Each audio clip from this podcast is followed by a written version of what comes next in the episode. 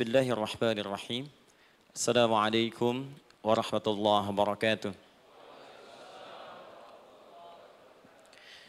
الحمد لله والصلاة والسلام على رسول الله وعلى آله وصحبه ومن والاه وبعد فيا عباد الله أوصي نفسي وإياكم بتقوى الله فقد فاز المتقون فلا تموتن إلا وأنتم مسلمون فقال تعالى يا أيها الذين آمنوا اتقوا الله حق تقاته ولا تموتن إلا وأنتم مسلمون Saudara-saudariku, hadirin sekalian, eh, terkhusus barangkali seluruh dari stakeholder PT Pertamina EP, khususnya Pak Nanang Abdul Manaf, sahabat kami.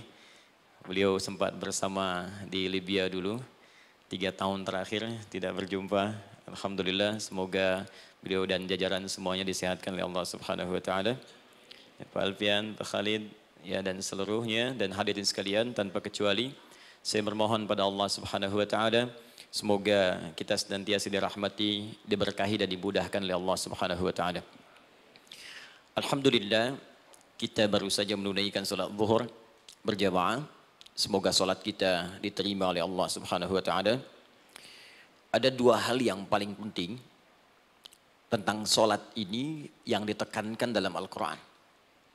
Pertama, kenapa salat begitu penting ditunaikan? Karena ia akan menjadi pembeda antara khalik dengan makhluk. Jadi kalau kita ingin bedakan Tuhan dengan hamba, maka di antara titik penting perbedaannya, kata Allah langsung itu terletak pada aspek ibadah, khususnya solat.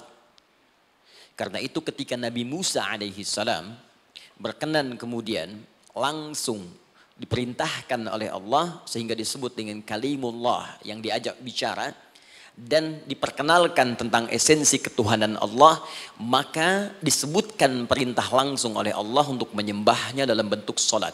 Al-Quran surah ke-20 Taha ayat ke-14. Kata Allah, Innani anallahu la ilaha illa ana fa'budni wa aqimis salata li.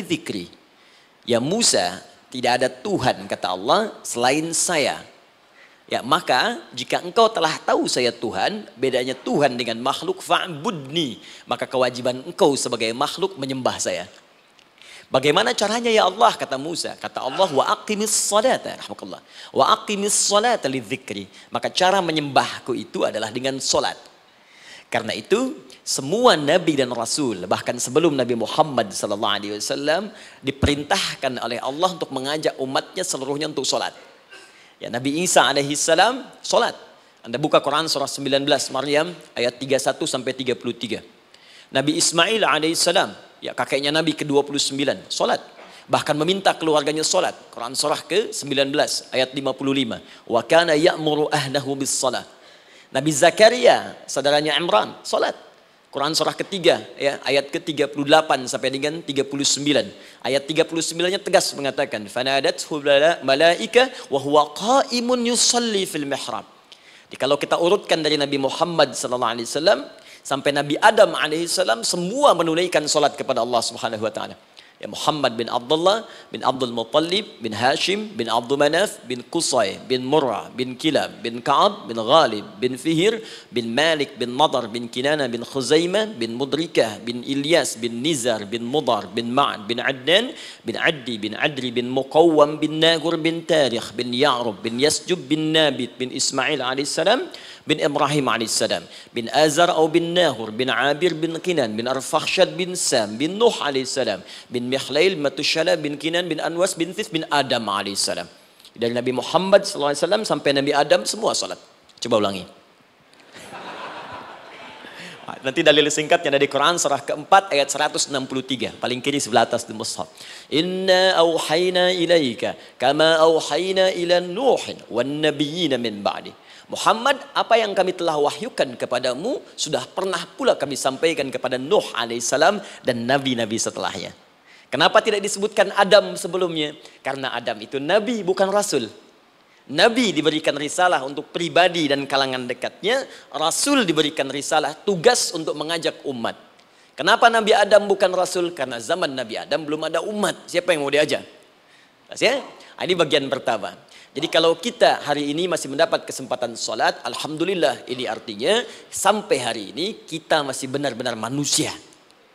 Kan kalau ada orang yang kemudian tidak mau beribadah apalagi sholat, terkhusus ketika dia beriman, maka penting dipertanyakan, masihkah ada iman dalam dirinya? Karena itu kata Allah dalam Al-Quran, surah ke-8 ayat yang kedua, aku akan perdengarkan namaku, namaku, sehingga ketika disebutkan itu, kita bisa menguji adakah getaran iman dalam jiwa kita. Quran surah 8 Al-Anfal ayat kedua. Innamal mu'minuna alladhina idza dzukirallahu wajilat qulubuhum. Sungguh orang yang masih punya iman itu kalau diperdengarkan nama Allah kepadanya akan ada getaran dalam jiwanya. Karena itu setiap hari lima kali diperdengarkan nama Allah. Untuk menguji di jiwa kita masih ada iman tidak? Bahkan dari bangun tidur, bayangkan waktunya dibagi sempurna persis. Dari mulai subuh baru bangun, menjelang ke siang, mau berakhir siang ke sore, sore pindah ke maghrib, hilang kemudian muncul gelap malam. Lima kali persis, dibagi waktu. Diperdengarkan untuk menguji, kira-kira setelah subuh siang masih ada nggak iman? Sore masih ada nggak? Ya Allahu Akbar, Allahu Akbar. Karena itu kalau iman masih ada melekat di jiwa kita, demi Allah saya katakan. Begitu kita mendengar suara azan, pasti hati kita akan mengatakan, Allahu Akbar, Allahu Akbar. Wih, sudah azan ya. Pernah begitu? Ya, walaupun mungkin setelah selesai la ilaha illallah baru adzan, belum komat. Ya, itu normal gak apa-apa. Yang penting iman masih ada. Nah, ini menunjukkan ada getaran dalam jiwa. Satu itu. Yang kedua, ini yang jarang dimanfaatkan teman-teman. Jadi sering kali sholat dimaknai pada ibadah formal bagian pertama saja. Adapun yang keduanya, ini yang jarang digali. Padahal sekali saja dalam sehari, itu lima kali Allah menunggu kita. Ternyata sholat itu satu-satunya wasilah ibadah yang disebutkan dalam Al-Quran untuk langsung memohonkan semua kebutuhan yang kita rasakan. Bahkan sebelum kita diminta sholat, itu kalimat pertamanya bukan ibadahnya. Kata Allah, kau punya masalah apa? Sedang butuh apa? Sedang punya problem apa? Buka Quran surah kedua Al-Baqarah ayat ke-45 sampai 46. Paling kanan pertengahan di usat. Wasta'inu bis sabri was. Perhatikan kalimatnya indah sekali. Ya Allah menempatkan solatnya bagian kedua. Kata Allah wasta'inu, hei hambaku. Jika kalian punya persoalan dalam kehidupan, maka perhatikan kalimatnya baik-baik. Wasta'inu, mintakan solusinya kepadaku. Jadi kalau sedang punya masalah, bukan bikin status. Gak akan selesai. Sedang eksplorasi minyak, gak keluar-keluar, bikin status. Duh, susah sekali yang ngebornya. Nah, gak akan selesai. Jalan macet, bikin status. Jakarta macet, ya gak akan, gak akan selesai. Ya, apa yang harus dilakukan kata Allah? Jika anda beriman kepadaku, yakin denganku, maka wasta'inu, punya persoalan minta kepada Allah. Caranya bagaimana? Satu bis sabri, terima dulu masalah itu, jangan dikeluhkan. Kaidah lain muncul karena mustahil saya akan titipkan persoalan kalau tidak Anda mampu mengatasinya. Kaidah Quran surah kedua ayat 286. Kita hafal ayatnya. La yukallifullahu nafsan illa usaha. Perhatikan kaidahnya.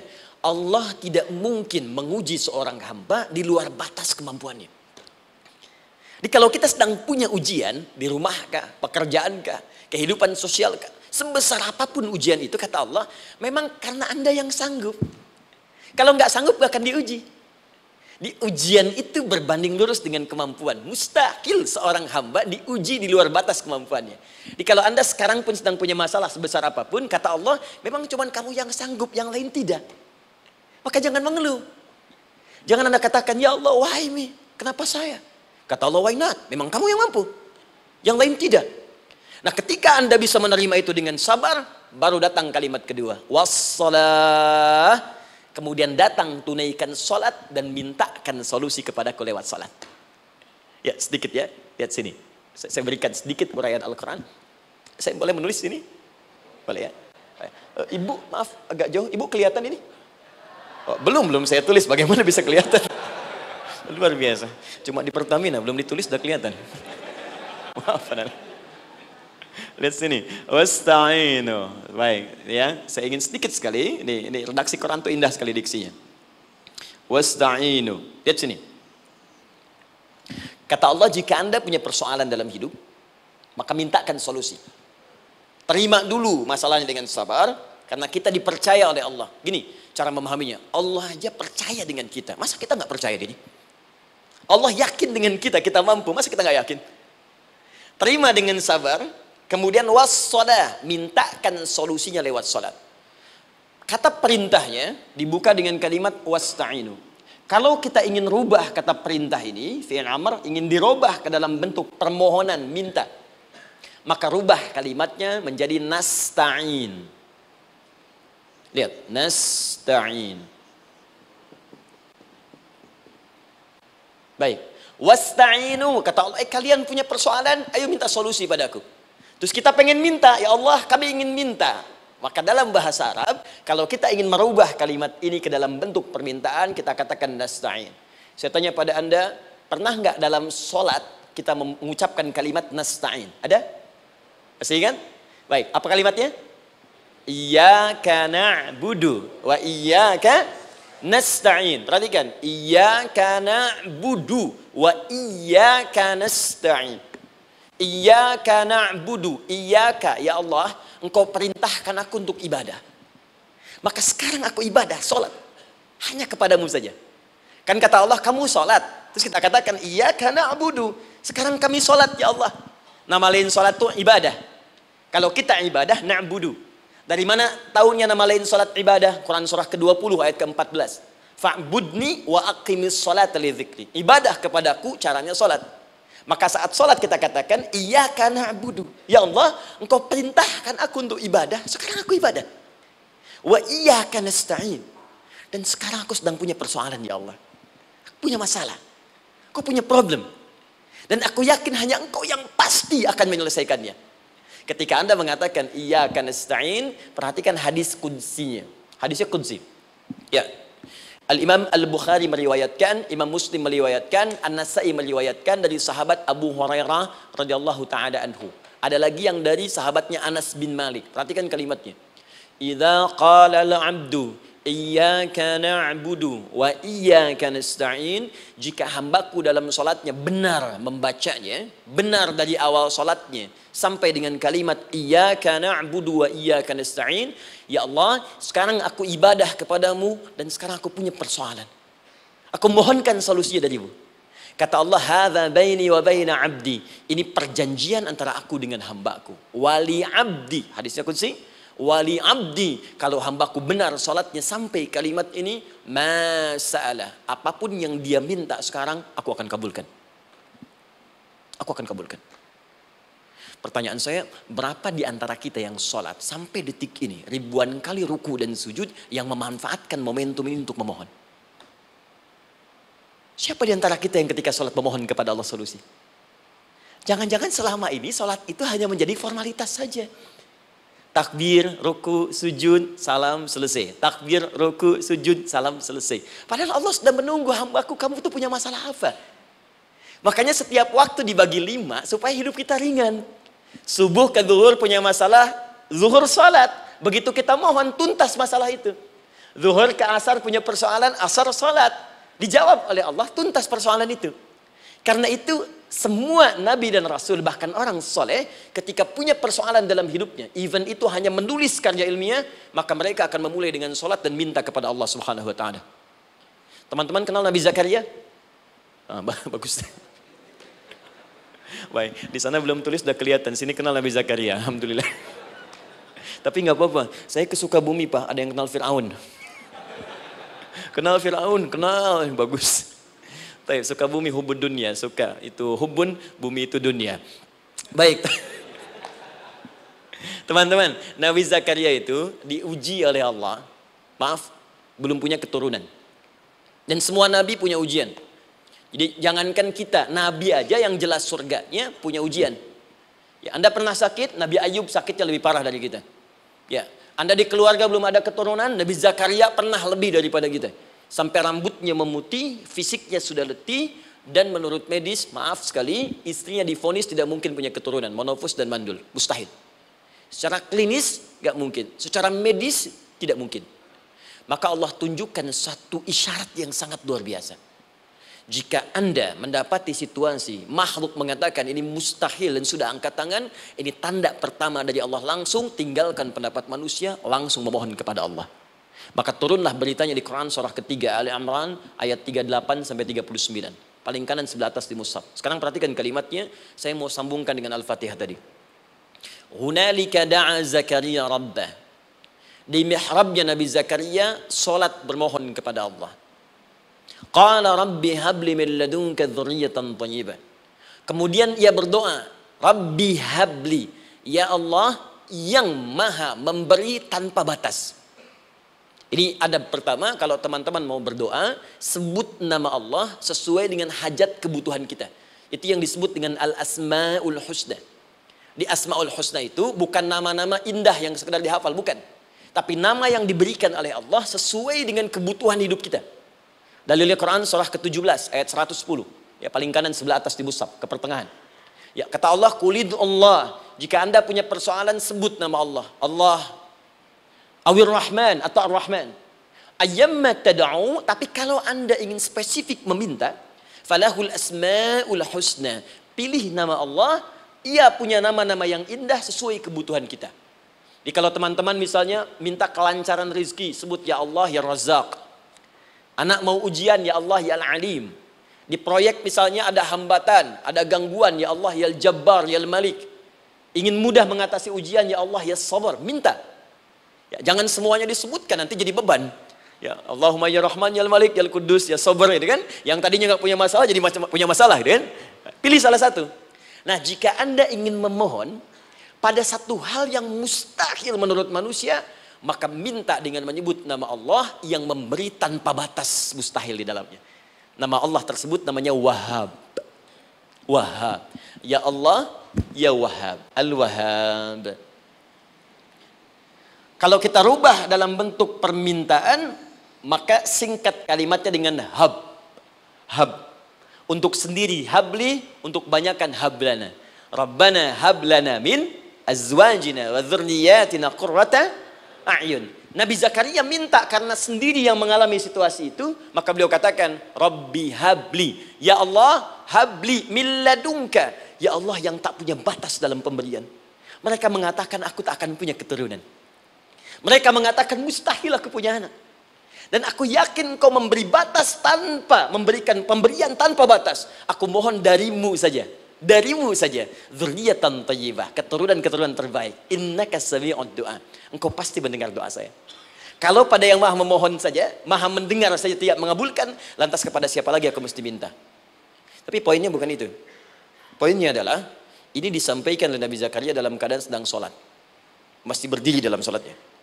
Dalam bahasa Arab berdiri disebut dengan qaimun, qaim. Berdiri.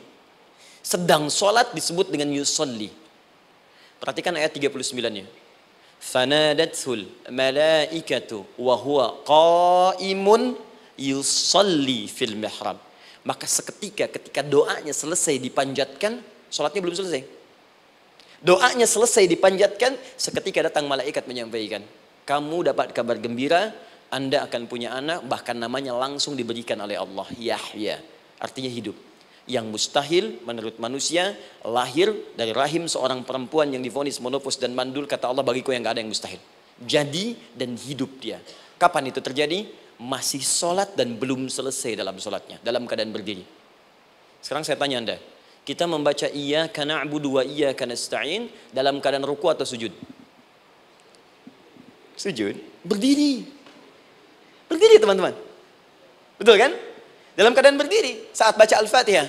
Iya karena budu wa iya saat kita mengatakan wa iya karena stain Allah balik bertanya, apa yang kamu butuhkan? Nabi Zakaria itu sholat dulu baru minta. Kita umat Nabi Muhammad karena keutamaan nabinya sebelum sholat dah ditunggu. Butuh apa? Mau minta apa? Ah, karena itu saya ingin katakan, ayo manfaatkan momentum sholat ini. Jangan sekedar kita kemudian tunaikan formalitas, tapi kita tidak mendapatkan keuntungannya. Ayo, semuanya. Dari mulai takbir sudah ada doa. Ruku ada doa. Bahkan sujud kita bisa perbanyak dalam bahasa hati kita untuk memohon kepada Allah subhanahu wa ta'ala. Jelas sampai di sini? Baik. Mudah-mudahan insya Allah doa kita dikabulkan oleh Allah subhanahu wa ta'ala. Uh, ini baru mukaddimah, kita belum mulai. Ini pengantar. Tema kita hari ini tentang Al-Quran dan mudah-mudahan kita diberikan insya Allah kelancaran untuk bahasan kita dan topik ini insya Allah akan memberikan banyak manfaat dari apa yang kita kerjakan dalam keseharian kita. Saya mohon izin untuk melambatkan bacaan karena tadi hanya mengantarkan saja. Teman-teman, kenapa mesti Al-Quran? Apa esensi Al-Quran? Dan kenapa Al-Quran diwahyukan pada Nabi Muhammad sallallahu alaihi wasallam? Apakah khusus untuk sekedar dibaca atau ada satu nilai yang sangat penting yang justru itu mengandung nilai mukjizat yang paling dalam dari Al-Quran?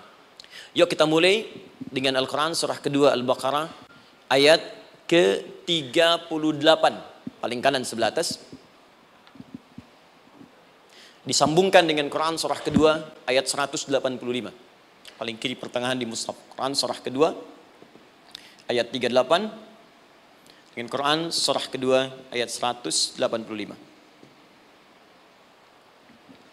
saya mulai dari kisah Nabi Adam saya pelan-pelan Nabi Adam saat diciptakan oleh Allah, kemudian diberikan informasi bahwa beliau akan bertugas di bumi, beraktivitas di bumi.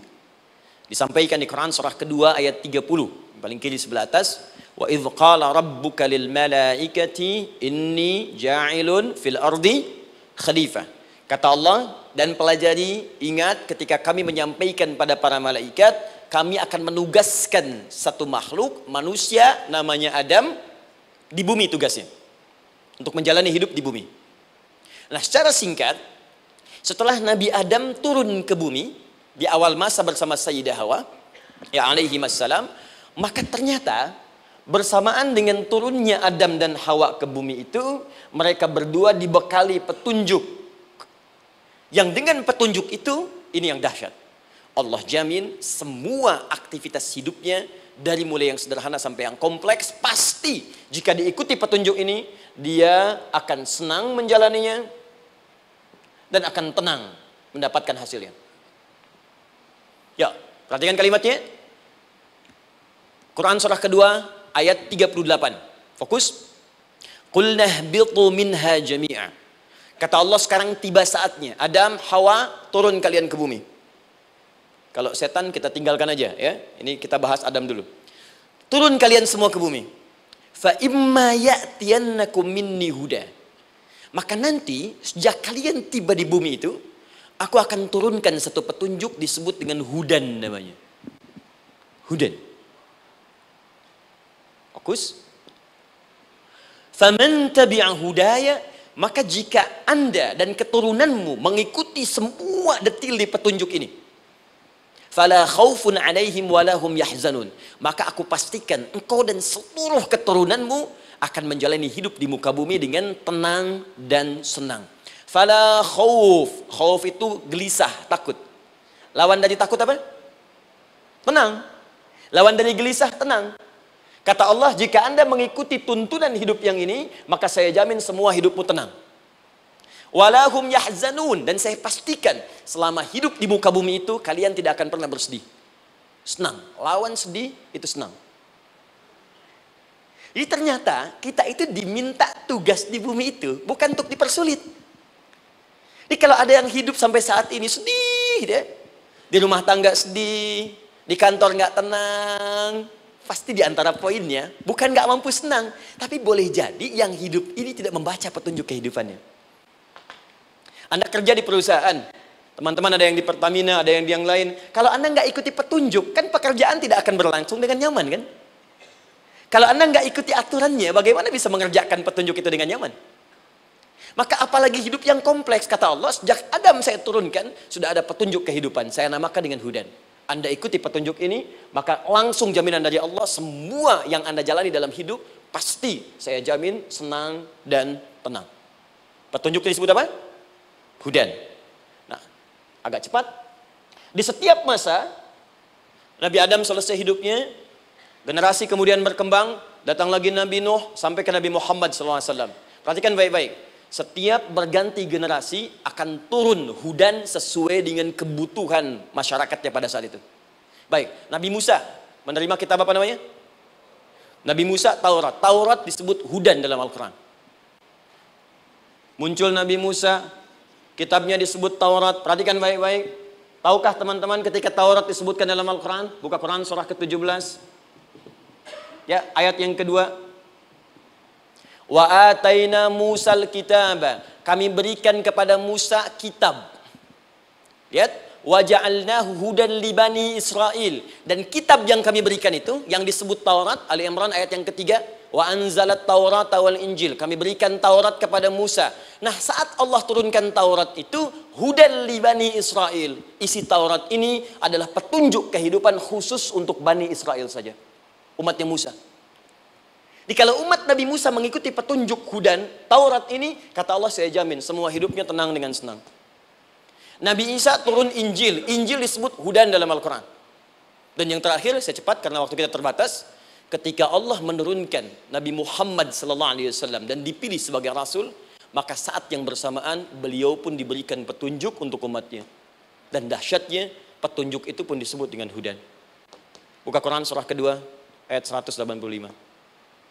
Syahr Ramadan alladhi unzila fihi al-Quran. Di bulan Ramadan itu Kata Allah saya turunkan Al-Quran. Kenapa saya turunkan Al-Quran? Hudal linnas. Saya jadikan Quran ini sebagai petunjuk, pedoman hidup, linnas, bukan terbatas untuk satu komunitas, tapi untuk seluruh manusia sampai kehidupan berakhir. An-Nas disebutkan 241 kali dalam Al-Quran, menunjuk pada semua manusia tanpa kecuali. Ini bedanya Al-Quran dengan kitab sebelumnya. Taurat hanya untuk kalangan tertentu saja. Jadi selesai nabinya, selesai kitabnya.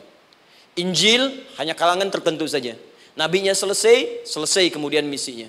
Tapi Al-Quran tidak. Ini kalimat pertama langsung dari Allah, walaupun nabinya wafat, tapi karena Al-Qurannya didesain oleh Allah untuk seluruh manusia sampai kehidupan berakhir, maka pasti Al-Quran itu di setiap masa akan mampu dijadikan pedoman dalam kehidupan. Nah, jadi prinsip pertama, ketika Allah menurunkan Al-Quran, sebenarnya tujuan utamanya bukan sekedar dibaca. Tapi di dalamnya itu ada petunjuk hidup, Pak, Bu. Dan yang buat, yang menciptakan kita.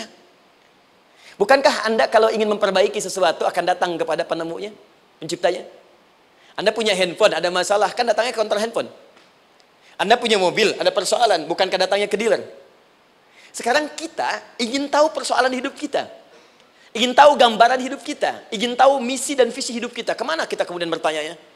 Pada pencipta kita. Nah kata Allah, Ketika saya utus manusia pertama kali ke bumi, saya sudah turunkan bagaimana cara menjalani kehidupannya. Dan ternyata berita baiknya untuk kita diberikan oleh Allah satu petunjuk utuh langsung disebutkan isinya disebut dengan Al-Quran. Jadi dari Al-Fatihah sampai dengan An-Nas dia bukan bacaan biasa. Semua di dalamnya ada petunjuk kehidupan kita dari mulai bahkan dalam kandungan sampai kita wafat kepada Allah Subhanahu wa taala. Kalau diikuti petunjuk ini, langsung turun jaminan dari Allah. Hidup kita pasti akan tenang dan nyaman. Saya bacakan cepat ya. Tapi nggak usah ditulis, nanti kalau teman-teman agak terlambat mengikutinya, Anda buka kembali rekamannya, Anda boleh runtutkan kembali. Saya baca cepat saja, dan ini insya Allah Anda hanya akan temukan dalam Al-Quran. Nanti saya berikan rahasia di akhir sebelum kita akhiri. Yuk, satu. Anda silahkan bandingkan dengan buku mana pun, referensi mana pun, Anda hanya akan temukan dalam Al-Quran dari sejak sebelum lahir. Bagi perempuan yang tengah mengandung, langsung Allah berikan tuntunan bagaimana agar kandungan itu berjalan dengan sehat, nyaman dan mudah ke persalinan. Quran surah ke-7 ayat 189. Perkembangannya bisa diamati dan dicek kemudian ya baik ke dokter atau yang lain nanti perkembangannya disebutkan di Quran surah ke-22 ayat kelima. Dirinci lagi di Quran surah ke-23 ayat 11 dari 9 sampai dengan 13. Kemudian mulai terlahir. Dari lahiran diberi petunjuk oleh Allah. Nih berikan asi. Maksimal 2 tahun. Kalau ingin berhenti sebelum 2 tahun boleh. Begini caranya. Quran surah kedua ayat 233. Dari sampai usia 2 tahun menjelang balik. Kata Allah berikan 4 pendidikan dini. Ini turunannya disebutkan 1, 2, 3, 4. Jika anda ajarkan ini maka anak ini akan tumbuh. Satu dekat dengan Allah. Dua dijamin taat pada orang tuanya.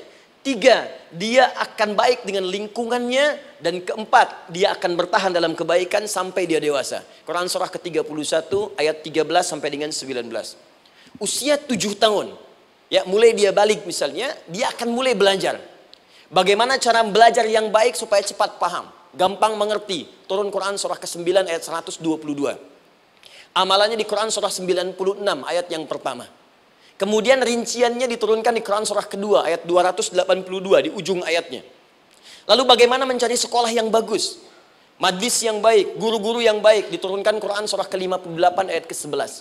Dicontohkan tentang Maryam dan Nabi Isa alaihissalam di Quran surah ketiga ayat 35 sampai dengan 37. Naik lagi, dia mulai dewasa, ya, mulai bergaul, bahkan kadang-kadang merantau, punya tempat komunitas berbeda. Bagaimana supaya dia bergaul tidak terpengaruhi lingkungan yang tidak baik. Maaf ya, kadang-kadang ibu yang sudah mengandung, melahirkan, ayah mencari nafkah, tiba-tiba anak pergi bahkan ke kampus, ke sekolah, dapat teman yang gak bagus, pulang-pulang mengecewakan Anda. Bagaimana menemukan tempat-tempat yang baik untuk bisa menjaga perilaku anak ini? Ditemukan nanti di Quran surah ke-49 ayat ke-13-nya. Dirinci perkembangannya di Quran surah ke-12 Yusuf ayat 2 sampai dengan ayat 29-nya. Sampai ketika dia akan mulai kemudian menikah, Kata Allah pilih pasangan yang baik dengan ta'aruf, berikan mahar yang sempurna. Quran surah keempat ayat keempat. Kemudian dia mulai menikah. Kata Allah sebelum menikah, pelajari dulu fikih nikah. Banyak orang yang menikah tapi karena tidak belajar tentang persoalan rumah tangga, apa yang akan terjadi di rumah tangganya. Detil Pak, Bu. Kata Allah ini, kalau kamu berbuat begini akan ada miskomunikasi. Kalau ada miskomunikasi persoalannya akan begini, solusinya begini. Maka diturunkan dasarnya di Quran surah ke-30 ayat 21, detilnya di Quran surah ke-4 ayat 34 sampai dengan 35. Paling kiri sebelah atas sampai dengan ke tengahnya. Anda berlanjut, diterangkan oleh Allah, hei tugas suami saat mulai pertama kali menikah, maka tugas yang pertama siapkan untuk mencari nafkah. Bagaimana caranya ya Allah? Diturunkan oleh Allah. Satu, jangan takut kehilangan rizki. Jangan pernah mencuri, jangan pernah ngambil punya orang, karena punya kamu akan saya berikan sempurna. Kamu ngambil punya orang, maka kamu akan menyulitkan diri sendiri. Itu akan dikembalikan pada yang berhak. Ya, turun Quran surah ke-51 ayat 22. Dirinci, begini cara nyarinya. Quran surah kedua ayat 168. Kalau Anda ingin cepat baru bergerak, rizkinya sudah dapat. Quran surah kedua ayat 172. Ada yang dahsyat, dia belum keluar, rizkinya yang mendatangi dia. Jadi nanti di Al-Quran ada delapan jenis rizki. Di antara yang paling hebat, ada yang belum Anda datang, rizkinya sudah menjemput. Di, ada orang mendatangi rizki, ada rizki mendatangi dia. Contoh, Al-Imam Ash-Syafi'i sedang berdiskusi dengan Imam Malik gurunya. Kata Imam Ash-Syafi'i, Syekh, rizki itu mesti saya cari dulu, baru kita dapat. Kata gurunya, ya Syafi'i, ada rizki yang cukup kita beramal dekat kepada Allah, dia akan datang tanpa kita cari dengan ikhtiar manusia. Kata Syafi'i mustahil. Kata Quran kan kita kerja dulu baru datang. Kata Imam Malik gurunya, kamu yang belum sampai. Kita amalkan ini, rizki datang. Maka berhenti sampai di situ, Imam Syafi'i pamit. Di jalan tiba-tiba, beliau mendapati ada panen anggur, Pak. Bu. Terus dipanggil sama yang punya kebun. Ya pemuda katanya, sini. Mau bantu nggak? Kalau kamu bantu, kami berikan anggurnya. Maka beliau bantu, panen, petik, petik, petik, petik, petik. Sampai setelah selesai diberikan anggur yang besar-besar hanum. Senyum, senang beliau. Ternyata senangnya bukan karena dapat anggur. Senangnya karena merasa pendapatnya benar. Kalau saya nggak bantu panen ini, nggak akan dapat saya anggur. Cuma karena saya bantu, saya diberi ini. Maka rasa senangnya inilah dibawa kemudian kepada gurunya ingin laporan. Tapi perhatikan adabnya. Dia tidak mengatakan, guru nih saya benar. Kalau saya nggak ikut panen, nggak dapat saya ini. Perhatikan kalimat Asyafi. Guru, tadi saya di jalan, dipanggil oleh pemilik kebun, ikut panen anggur. Begitu saya bantu, saya diberikan anggur ini. Beliau tekankan dengan kalimat yang kencang pada kalimat, begitu saya bantu, saya dapat anggur ini. Imam Malik tersenyum mengatakan, Masya Allah Safi luar biasa. Ini siang begitu panasnya. Tadi saya mau keluar ngajar, terfikir di benak saya, Allah kalau ada anggur yang besar-besar, enak rasanya. Tiba-tiba kamu datang bawa anggur. Jadi Imam Syafi'i kerja dapat sesuatu, Imam Malik terfikir sesuatu datang rezeki. Itu ada di Quran surah ke-7, teman-teman, ayat ke-96, paling kanan sebelah atas di mushafnya. Baik, teruskan dulu. Ya, Anda dalam mencari kerja, ingat, kalau Allah yang sampaikan pasti terjadi. Jangan dikira mudah. Kata Allah akan ada persaingan, akan ada kadang-kadang singgungan, akan ada tantangan, maka mulai petakan tantangan apa yang akan Anda lalui saat Anda mulai mencari nafkah itu. Maka turun Quran surah kedua ayat 214. Paling kanan sebelah bawah. Am hasibtum an tadkhulul jannata. Hei, apa kamu mudah begitu saja mengira akan sukses dalam pekerjaanmu? Bahkan bisa diartikan surga, ingin masuk surga. Walamma ya'tikum mathalul ladzina khalau min qablikum. Sebelum engkau diuji seperti orang sukses dulu pernah sukses. Lihat mereka. Gak ada orang sukses yang instan. Cuman balikan telapak tangan dapat tidak. Kata Allah lihat orang-orang dulu. Lihat orang-orang hebat dulu. Bagaimana mereka bisa kaya, bisa sukses, bisa punya posisi. Masat umul ba'sa. Petakan olehmu tantangan apa yang akan dihadapi saat engkau bekerja itu. Satu, kata Allah ba'sun. Ada yang ringan. Ya, ba's. Ba'sa jama' dari kata ba'sun. Dua, dara. Ini sudah menengah, jama' dari kata durun. Tiga, zilzal. Ini yang paling tinggi puncaknya. Jadi kalau Anda sudah mendapatkan ini, yakinlah. Berarti Anda akan mendapatkan posisi yang tinggi. Karena mustahil orang besar diuji dengan ujian yang kecil. Zilzal, ini bagian ketiga. Baksa, baksun, mulai. Kira-kira tantangan-tantangan ringan apa saja yang akan Anda hadapi? Ya, kalau saya contohkan misalnya dengan contoh yang lain singkat, Anda mau ke masjid, ingin konsisten, mulai hijrah, ingin dekat dengan Allah, Tiba-tiba yang tadinya nggak mau ke masjid, mulai ke masjid, diuji dengan hujan. Yang kecil, rintik-rintik, shower. Begitu hujan, orang Arab mengatakan kalau hujannya bisa lewat tanpa payung pun, orang Arab mengatakan la ba'sa. La, ba, ini ringan. Orang kita sambungin, labas. Dari bahasa Arab, lewat. Nah, jadi kalau Anda mau berangkat nih, siap. Siap bekerja, siap hadapi tantangan. Baru mau lewat hujan kecil, berarti itu tantangan kecil kita lewati. Macet, petakan. Cari jalan yang kemudian sempurna. Jalan yang kosong. Buka Google-nya. Buka Waze-nya. Buka map-nya. Cari. Jadi kalau pada yang kecil aja belum kita lewati, bagaimana mendapatkan yang besar? Anda mau ke masjid, dikasih hujan kecil.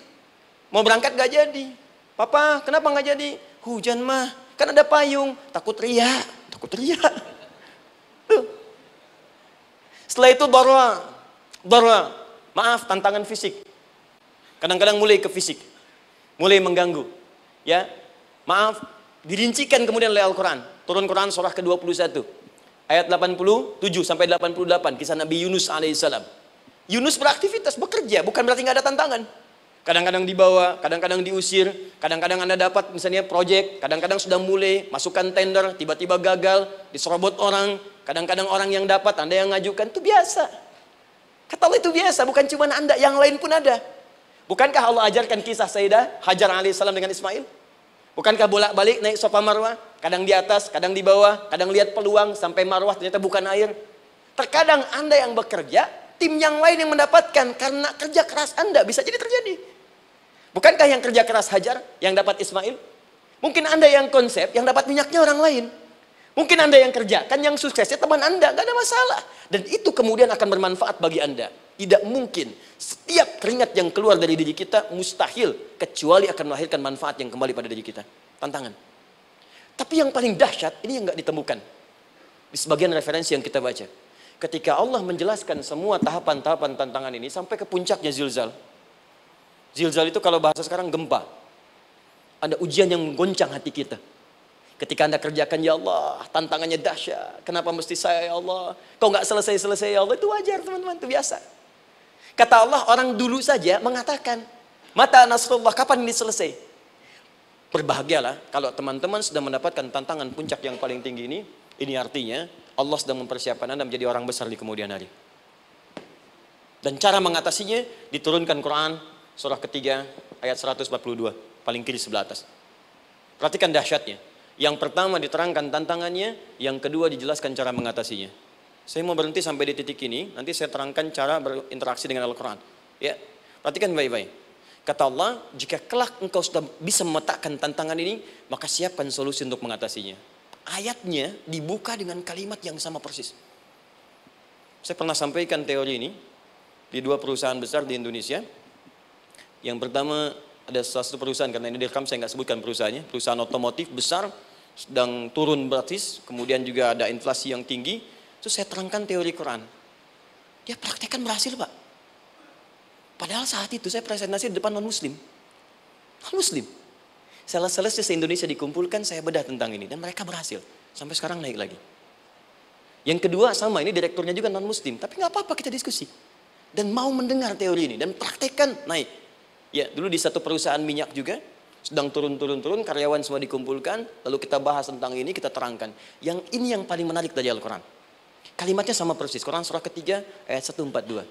Am hasibtum antad khulul jannata. Apa anda duga akan begitu mudah mendapatkan kesuksesan dalam hidup? Tolong fokus baik-baik. Jangan selalu mengartikan jannah dengan surga. Karena asal kata jannah itu artinya kesuksesan, kebahagiaan yang belum tampak. Surga, kenapa disebut dengan jannah? Karena itu puncak kebahagiaan kita yang belum nampak sekarang. Ya, saya kasih rahasia ya, ini antara kita saja nih. Kalau ada kata jim dengan nun di depannya, itu pasti tidak nampak, tersembunyi. Apa pun tambahannya. Ya, misal, jin kenapa disebut dengan jin? Karena memang ketika diciptakan, dia tidak tampak. Tersembunyi. Lawannya ins. Karena itu kita disebut ins. Karena saat lahir kita tampak. 18 kali disebutkan dalam Al-Quran. Ya ma'syaral jinni wal ins. Wa ma khalaqtul jinna wal ins. Jadi jin disebut jin karena memang fitrahnya tersembunyi. Gak nampak. Jadi kalau ada jin melakukan penampakan, itu jin sedang kena masalah. Sedang keluar dari fitrah. Sama dengan manusia, harusnya tampak. Jadi kalau ada manusia yang senang sembunyi-sembunyi, dia sama dengan, bukan saya yang bilang, sedang punya masalah. Ke kantor, sembunyi-sembunyi, hati-hati Pak Alfian tuh. Biasa ada pintu depan, masuk pintu belakang. Suami di rumah buka WA sembunyi-sembunyi, bu hati-hati tuh. Pulang lewat pintu belakang, berarti sedang punya persoalan dalam hidup. Setiap ada jim dengan nun, pasti tersembunyi. Ibu punya janin, Rahim, dalam rahim ada janin. Kenapa disebut dengan janin? Jim nun, ya nun. Karena sosok itu belum nampak dalam pandangan kita. Nanti kalau sudah lahir, baru tampak. Jannah, kenapa disebut jannah? Karena belum tampak dalam pandangan kita. Nanti kelihatan. Karena itu dalam Al-Quran, kata jannah itu tidak dihususkan dengan surga. Tidak dihususkan dengan surga. Kadang-kadang menunjuk aspek kesuksesan yang belum tampak. Anda mau ngomong minyak, minyaknya belum tampak. Belum kelihatan. Anda mau kerja, ya hasilnya kan belum tampak, baru ikhtiar sekarang. Karena itu orang Arab disebut kaya kalau mereka mendapatkan kebun yang tak tampak sebelumnya. Kebun anggur, ke, bukan kurma, kalau kurma banyak. Kebun anggur, ada apel, ada jeruk, sampingnya ada sungai-sungai, disebut dengan jannah. Ya, kalau punya unta, nggak kaya di Arab, biasa. Karena yang kelihatan padang pasir, unta, hitam, merah, biasa. Tapi kalau sudah punya kebun, kebun anggur yang sulit di padang pasir ada kebun, itu baru disebut kaya. Karena itu orang Arab kadang mengartikan jannah dengan aspek kesuksesan yang belum tampak. Diartikan dengan kebun anggur, kebun apel dan macam-macamnya. Perhatikan, am hasibtum an tadkhulul jannah. Apa Anda duga ingin sukses itu begitu mudah? Sukses jadi tidak. Walamma ya'lamillahu alladhina jahadu minkum wa ya'lamas sabirin. Perhatikan baik-baik. Sebelum Allah memastikan pada diri Anda terdapat dua hal yang paling utama untuk mengatasi tantangan tadi. Satu, jahadu. Kesungguhan. Serius. Jadi kalau mau sukses, mesti serius. Kerja serius. Cintai pekerjaan Anda. Ya, belajar anak-anak serius. Pastikan belajar dengan serius. Jangan cuma anak-anak duduk paling belakang, nggak pernah nanya, kadang ngantuk, pulang, ujian, besoknya mau ujian, baru belajar. Ya, sistem SKS, sistem kebun, Ya kadang-kadang sejam bu, pak. Saya pernah ada orang di luar ngadu waktu di Libya, Ustaz gimana ini orang Indonesia? Kenapa? Saya belajar tiga bulan, besok mau ujian. Teman antum orang Indonesia pinjam catatan saya baru semalam, dia dapat delapan, saya tujuh setengah. saya bilang, Anda belum tahu sistem SKS itu. Baik ya. Tapi itu bukan solusi. Begitu ujian selesai, ilmu lupa. Itu poinnya. Jadi kalau hanya sekedar ilmu dipakai untuk ujian, pada prakteknya nggak akan terpakai. Ini banyak anak sekolah sekarang hanya belajar untuk ujian saja. Padahal kalau dipraktekkan, kadang kaitan dengan agama tinggi bu, Pak. Fisika itu dengan dengan agama itu tinggi. Gaya F1 sama dengan F2, gaya gerak sama dengan gaya dorong. Gaya sedikit, maka keluarnya sedikit. Pukul kencang, bunyinya kencang. Imannya kalau kuat, amalan jadi banyak. Iman sedikit, iman amal pun sedikit. F berbanding lurus dengan P, hukum Pascal. Gaya berbanding lurus dengan tekanan. Masuk bab akhlak. Makin banyak gaya, makin banyak tertekan. nah itulah. Gaji 5 juta, gaya 10 juta, kan? Ah, ini serius. Eh serius, di, di divisi apa pun Anda, saya tiga sepekan lalu lah eh, takziah ke tempatnya yang Habibi, terus diminta tausiah di sana. Dan saya perhatikan beliau termasuk yang paling serius ketika diberikan tugas apa pun. Gak pernah diberikan amanah kecuali mencintai pekerjaan itu. Yang Habibi demikian. Diciri orang sukses itu serius. Tapi keseriusan itu Kata Allah petakan jadi tiga bagian lagi. Karena jahadu itu punya tiga turunan kata. Satu, keseriusan merencanakan, disebut ijtihad namanya. Punya rencana. Mappingnya apa? Stepnya apa? Oke, Anda ingin kerjakan sebuah proyek, baik, proyeknya berlangsung berapa lama? Target kita apa? Jangka panjangnya, menengahnya, jangka pendeknya. Kemudian apa tantangan yang akan dihadapi di setiap tahapan-tahapannya? Selesaikan. Bahkan saking pentingnya tahap perencanaan ini ditunjukkan oleh Allah langsung lewat sholat. Teman-teman masih ingat sholat pertama yang kita kerjakan setiap hari sholat apa namanya? Subuh. Apa artinya subuh? Tuh, ini masalahnya. Ini, ini kata Al-Quran sendiri ya, kata Al-Quran sendiri. Nanti akan ditemukan orang yang ibadah tidak paham apa yang dikerjakan dan dilakukan dalam ibadahnya. Contoh sholat. Kata Allah akan ada orang sholat yang saat sholat tidak mengerti apa yang ia baca dan ia lakukan dalam sholatnya. Jujur tanyakan pada diri kita. Sampai detik ini, dari sekian ribuan kali ruku dan sujud, berapa persen bacaan sholat yang kita pahami? Jangan-jangan kita ruku tapi nggak ngerti yang dibaca. Sujud tak paham yang diungkapkan. Bagaimana bisa khusyuk? Mustahil. Maka kembali ke sini, kenapa sholat pertama itu disebut dengan subuh? Teman-teman, ternyata semua nama sholat dari subuh sampai isya, plus bacaan dan gerakan dari takbir sampai salam, itu bukan sekedar gerakan semata. Semua ada artinya, ada maknanya. Dan diajarkan oleh Nabi langsung. Subuh disebut dengan subuh. Ada dua kata. Satu, fajar. Quran surah ke-17 ayat 78. Inna Quran al-fajri kana mashhuda. Kedua, subuh di surat At-Takbir. Wasubhi idha tanafas. Kenapa disebut fajar? Fajar itu pancaran positif, pancaran kebaikan. Jadi kalau yang baik disebut fajar, kalau yang jelek disebut fujur. Fujur ada di Quran surah 91 ayat 7 sampai 8. Wa nafsi wa ma sawaha fa'alhamaha fujuraha wa taqwaha. Fujur itu rambatan gelombang buruk yang muncul dari nafsu. Ya, ditembuskan ke elemen tubuh kita. Misal gini, gini. Tiba-tiba pengen marah, Ya, di tubuh kita mengatakan melotot, maka ini ada pancaran di hati kita nyambung kemudian ke mata. Ini rambatan dari sini ke mata disebut fujur namanya. Mau ke tangan pukul, masuk ke tangan. Itu rambatannya disebut fujur namanya. Ya. Yang baiknya disebut fajar. Ya, misal saya ingin sholat, tiba-tiba hati mengatakan sudah azan, merambat ke kaki, cepat melangkah. Cepat wudhu. Nah itu rambatannya disebut fajar namanya. Atau infajar. Ini ini pasti ada ya. Fujur nama lainnya nafsu disebutkan 115 kali dalam Al-Quran. Takwa, rambatan fajar, sumbernya takwa, disebutkan 115 kali dalam Al-Quran. Di jiwa kita ada takwa, ada nafsu. Takwa yang dorong malaikat, disebutkan 88 kali dalam Al-Quran. Nafsu yang dorong setan, disebutkan sama 88 kali. Di setiap Anda akan mengerjakan satu hal, pasti akan yang mendorong pada yang baik, akan mencegah dari yang baik itu nafsu. Pasti itu. Pak Alpian mau tanda tangan proyek, Tiba-tiba disodorkan, Pak, ini Pak. Kok begini proyeknya? Perbaiki, karena ada yang nggak beres. Tapi fee-nya lumayan Pak, satu miliar. Nggak bisa, jiwa takwa mengatakan jangan terima Pak. Bapak mengatakan maaf, ini jari, jari tahiyat, gak akan pernah dipakai maksiat, perbaiki. Perbaiki, datang lagi. Ini Pak, kok sama? Fee-nya diperbaiki Pak, 100 miliar. Nafsunya mulai berkata, terima, terima. Takwanya bilang, jangan, jangan. Akhirnya beliau katakan, tangan tahiyat nggak akan pernah dipakai maksiat. Tapi tunggu, saya istiqoroh dulu.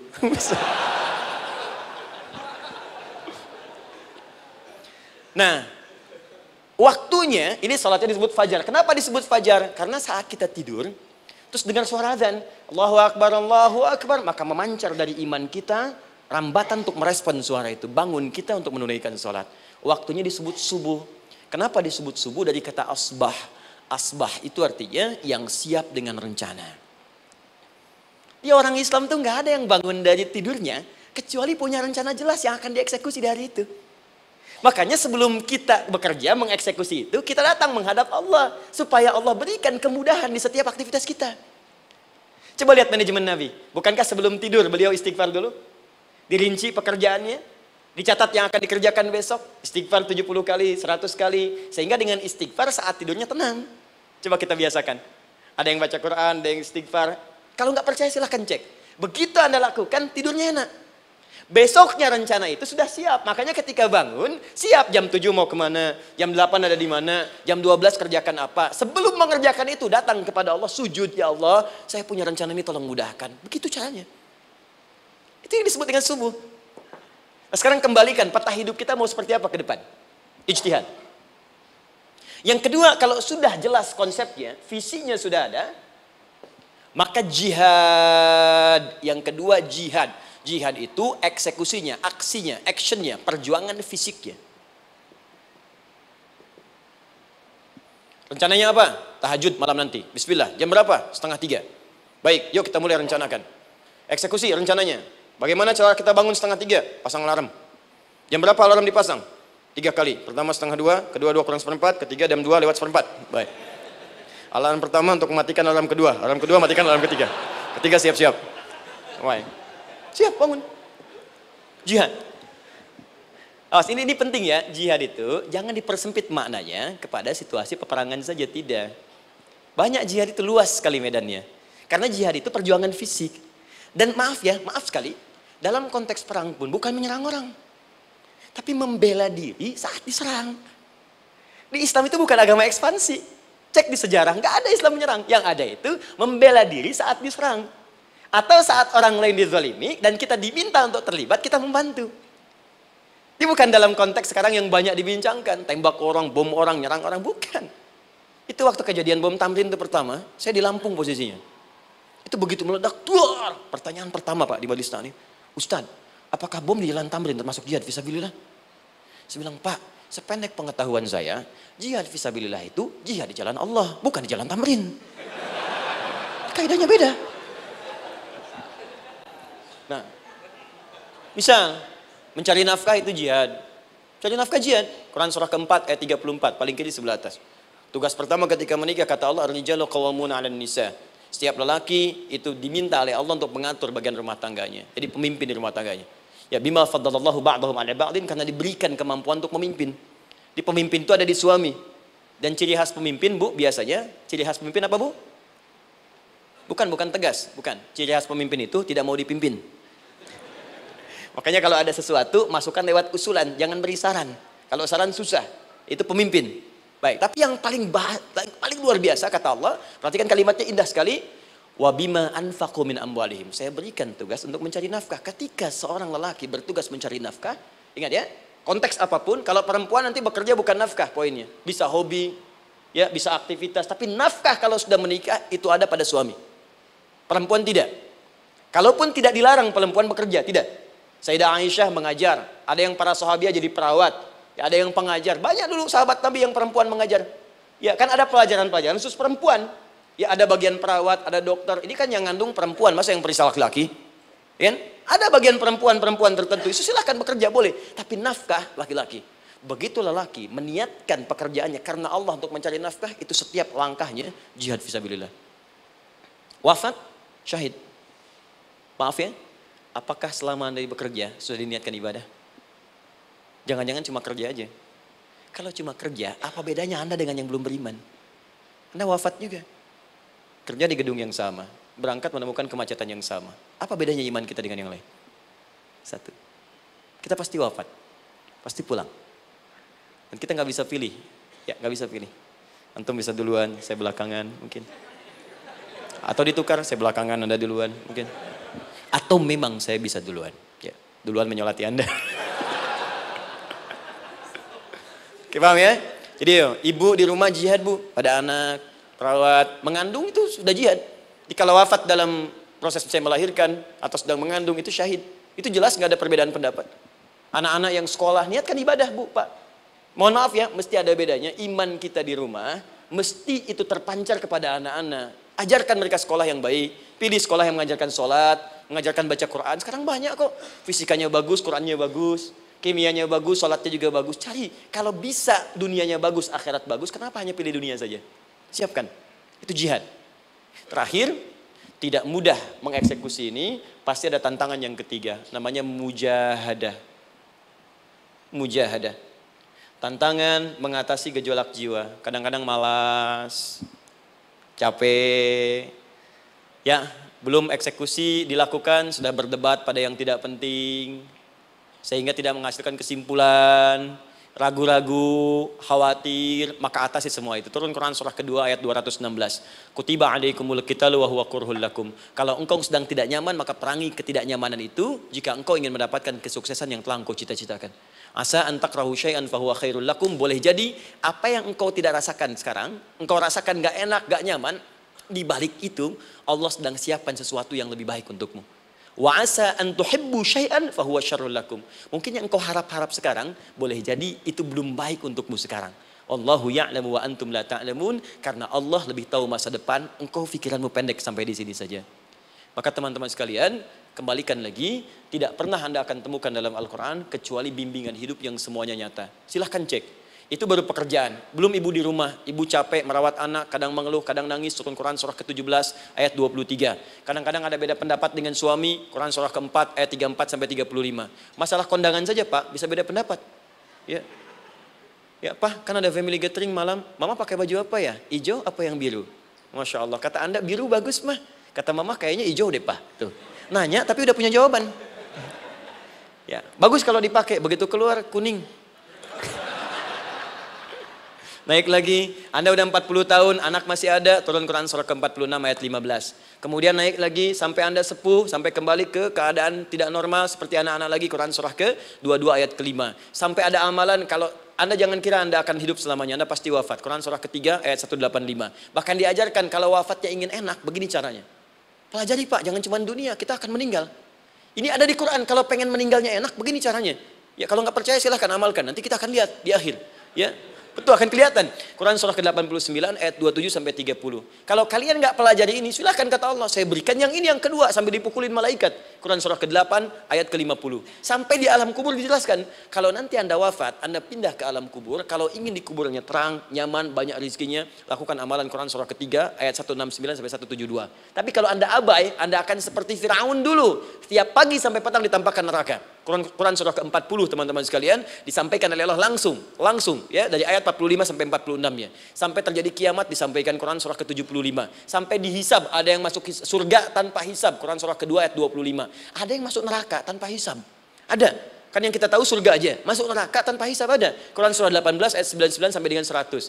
Sampai disebutkan surga yang paling indah nomor satu bersama Nabi dan orang-orang soleh. Jadi kalau anda masuk sini, tetangga anda semua Nabi ya depannya Nabi Ibrahim, belakangnya Nabi Musa misalnya, samping kiri Nabi Yusuf, ya, samping kanan Nabi Muhammad SAW. Itu cuma tiga golongan, orang soleh, para syuhada, orang-orang jujur dalam kehidupan dunianya. Jadi kalau anda jadi pekerja yang jujur, taat kepada Allah, anda berpotensi masuk surga bersama semua Nabi dan Rasul yang pernah diutus. Ya.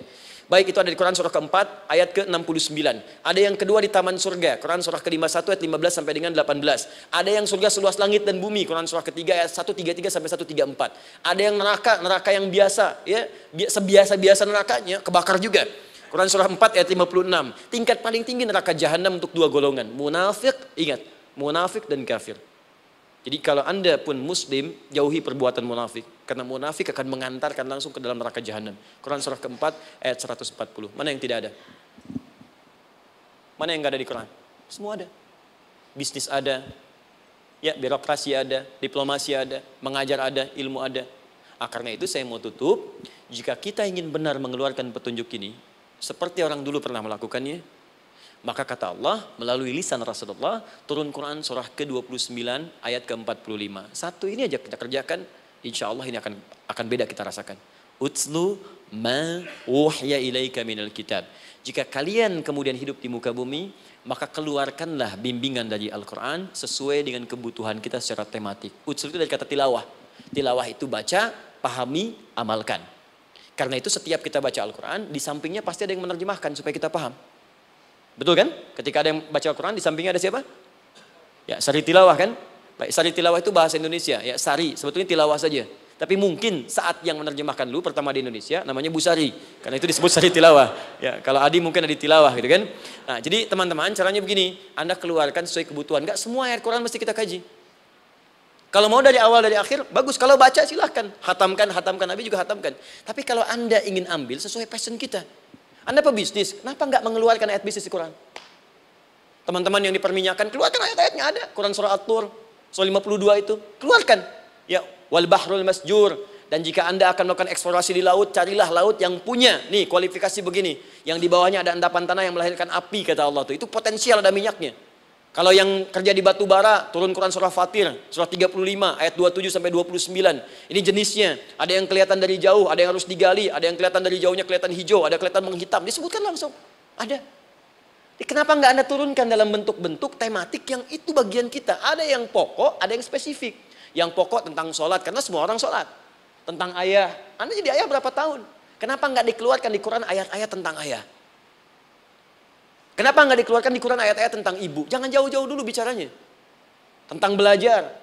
Nah, nanti eksekusinya kalau mau cepat buka kitabnya Al-Imam Al-Bukhari. Ada kitab hadis, saya akhiri, yang dikarang oleh Al-Imam Al-Bukhari dan sangat populer.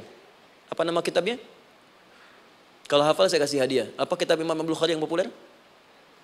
Ya,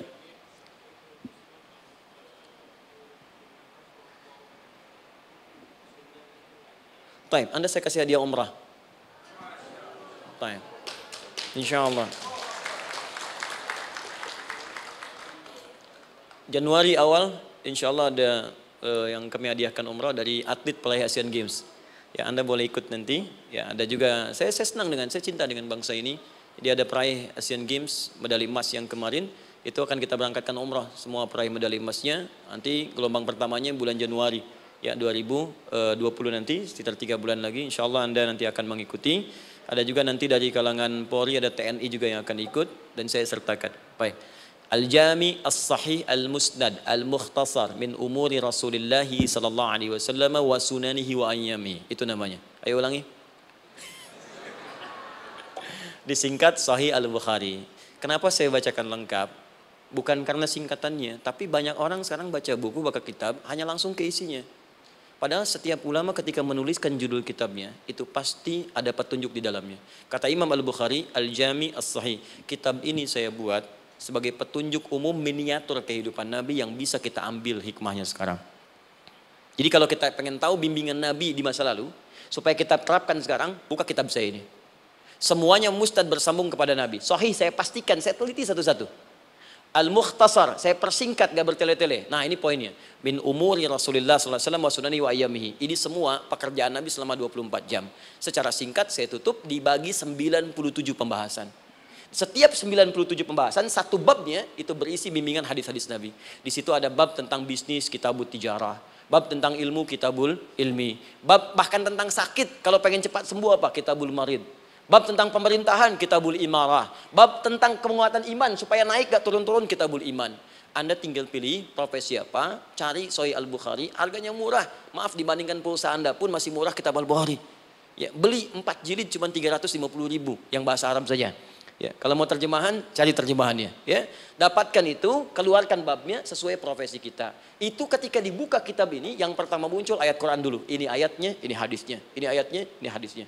Teman-teman gak usah baca semuanya, keluarkan passion Anda apa, di situ belajar. Sebulan saya belajar ini, besok saya pindah lagi. Sebulan topik ini, besok ke topik yang lain lagi.